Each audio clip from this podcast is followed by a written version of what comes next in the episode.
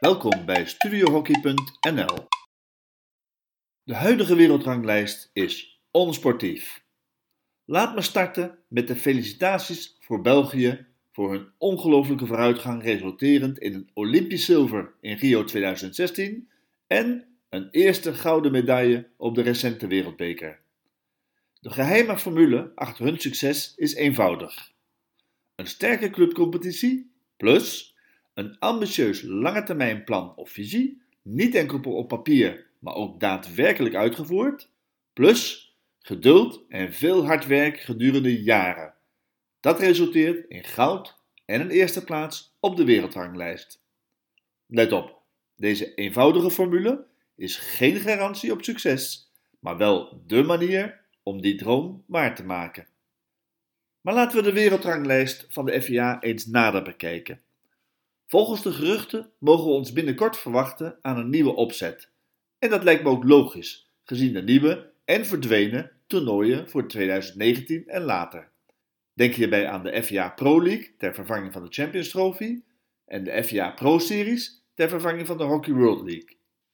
Onmiddellijk na het WK werd een nieuwe wereldranglijst bekendgemaakt, waar België opschoof naar de eerste plek. Vanzelfsprekend meer dan verdiend. Maar als je wat dieper ingaat op die wereldranglijst, kom je wel diverse vreemde zaken tegen. Punten die worden toegekend voor toernooien op uitnodiging, waarbij andere landen dus worden uitgesloten. Punten die worden toegekend voor de continentale kampioenschappen, waarbij het onmogelijk is een rechtvaardige balans te vinden tussen de verschillende continenten. Bijvoorbeeld, Nederland eindigt nu als tweede op het WK en pakt een zilveren medaille nadat ze zich voor dit toernooi kwalificeerden door een ander toernooi te winnen waarbij ze zes landen uit de top 10 van de wereld achter zich lieten. Hiervoor kreeg Nederland 650 punten. Vergelijk dit dan eens met de 630 punten die bijvoorbeeld Nieuw-Zeeland kreeg voor het verslaan van, let op, Papua-Nieuw-Guinea en Fiji op het kampioenschap voor Oceanië. Twee landen die amper de top 50 halen. Of kijk naar Australië, die voor hun bronzen medaille op dit WK 550 punten verdiende. En vergelijk dat met bijvoorbeeld Canada, die evenveel punten kreeg voor het verslaan van hockeydwergen USA en Brazilië op het Pan-Amerikaanse kampioenschap. Er is maar één woord om dit te omschrijven: onsportief. Niet bepaald het adjectief dat je mag verwachten voor de wereldranglijst van een Olympische sport. En dan wil ik het nog niet eens hebben over de punten verdiend door sommige landen nadat ze mochten meespelen in bepaalde toernooien als organiserend land, nadat ze zich niet voor dat toernooi konden kwalificeren. Dit ten koste dus van andere landen die zich wel gekwalificeerd hadden door hun resultaten op het veld. Anyway, volgens de geruchten komt de FIA dus snel met een nieuwe wereldranglijst.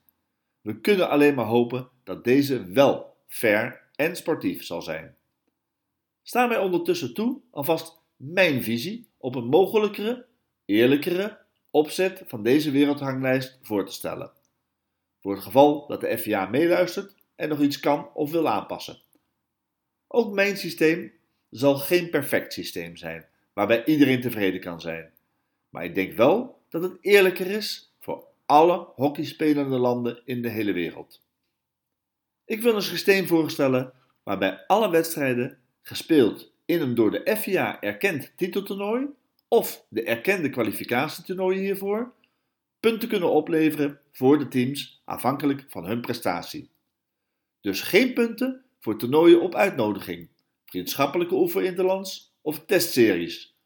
Ook niet als deze wel door de FIA erkend werden en dus bijvoorbeeld wel caps opleveren voor de spelers. Punten worden gegeven voor wedstrijden gespeeld op de Olympische Spelen en de Wereldbeker, aangezien dit de twee grote titelevents zijn op wereldschaal voor de hockeysport. Maar ook voor de wedstrijden gespeeld in officiële en erkende wedstrijden tijdens toernooien bedoeld als kwalificatietoernooi voor het WK en de Spelen. Denk hierbij bijvoorbeeld aan de FIH Hockey Series of de FIH Pro League. Maar ook de continentale kampioenschappen, zoals het EK en andere. inclusief de kwalificatie-events hiervoor, net als Olympic en World Cup qualifiers. Het berekenen van de punten wil ik zo eenvoudig mogelijk houden. Winst levert je 10 punten op, plus 5 extra punten als je een team versloeg die boven je stond in de ranglijst. Verlies levert je 0 punten op.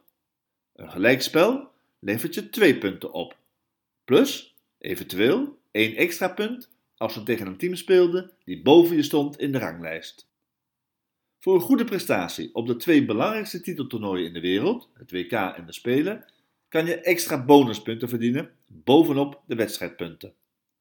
Gouden medaille 100 punten extra. Zilver 80 punten extra. Brons 60 punten extra. Een vierde plek, en dus je was halve finalist, 40 punten extra. Alle verliezende kwartfinalisten 20 punten extra. En alle landen die wel konden deelnemen aan het WK of de Spelen, maar de kwartfinale niet haalden, 10 extra punten. Ik laat het met plezier over aan de FIA of andere liefhebbers om hiermee aan het rekenen te slaan en een nieuwe, frisse en eerlijke wereldranglijst te lanceren in 2019 op basis van alle wedstrijden gespeeld na het WK van 2014. Ik durf te voorspellen dat we in een dergelijke, eerlijkere opzet wel eens verrast zouden kunnen worden. Maar hoe dan ook, we zullen nog even moeten wachten tot de FIA met hun vernieuwde wereldranglijst komt. Wellicht is dat iets voor januari 2019, als ook de FIA Pro League van start gaat. Geduld dus. Maar wat het ook mag worden, we hopen op een eerlijke ranglijst in de toekomst. Dank voor het luisteren naar deze podcast van StudioHockey.nl. Vergeet je niet te abonneren op StudioHockey.nl in jouw favoriete podcast-app en mis geen enkele aflevering. En ondertussen, lekker hockeyen!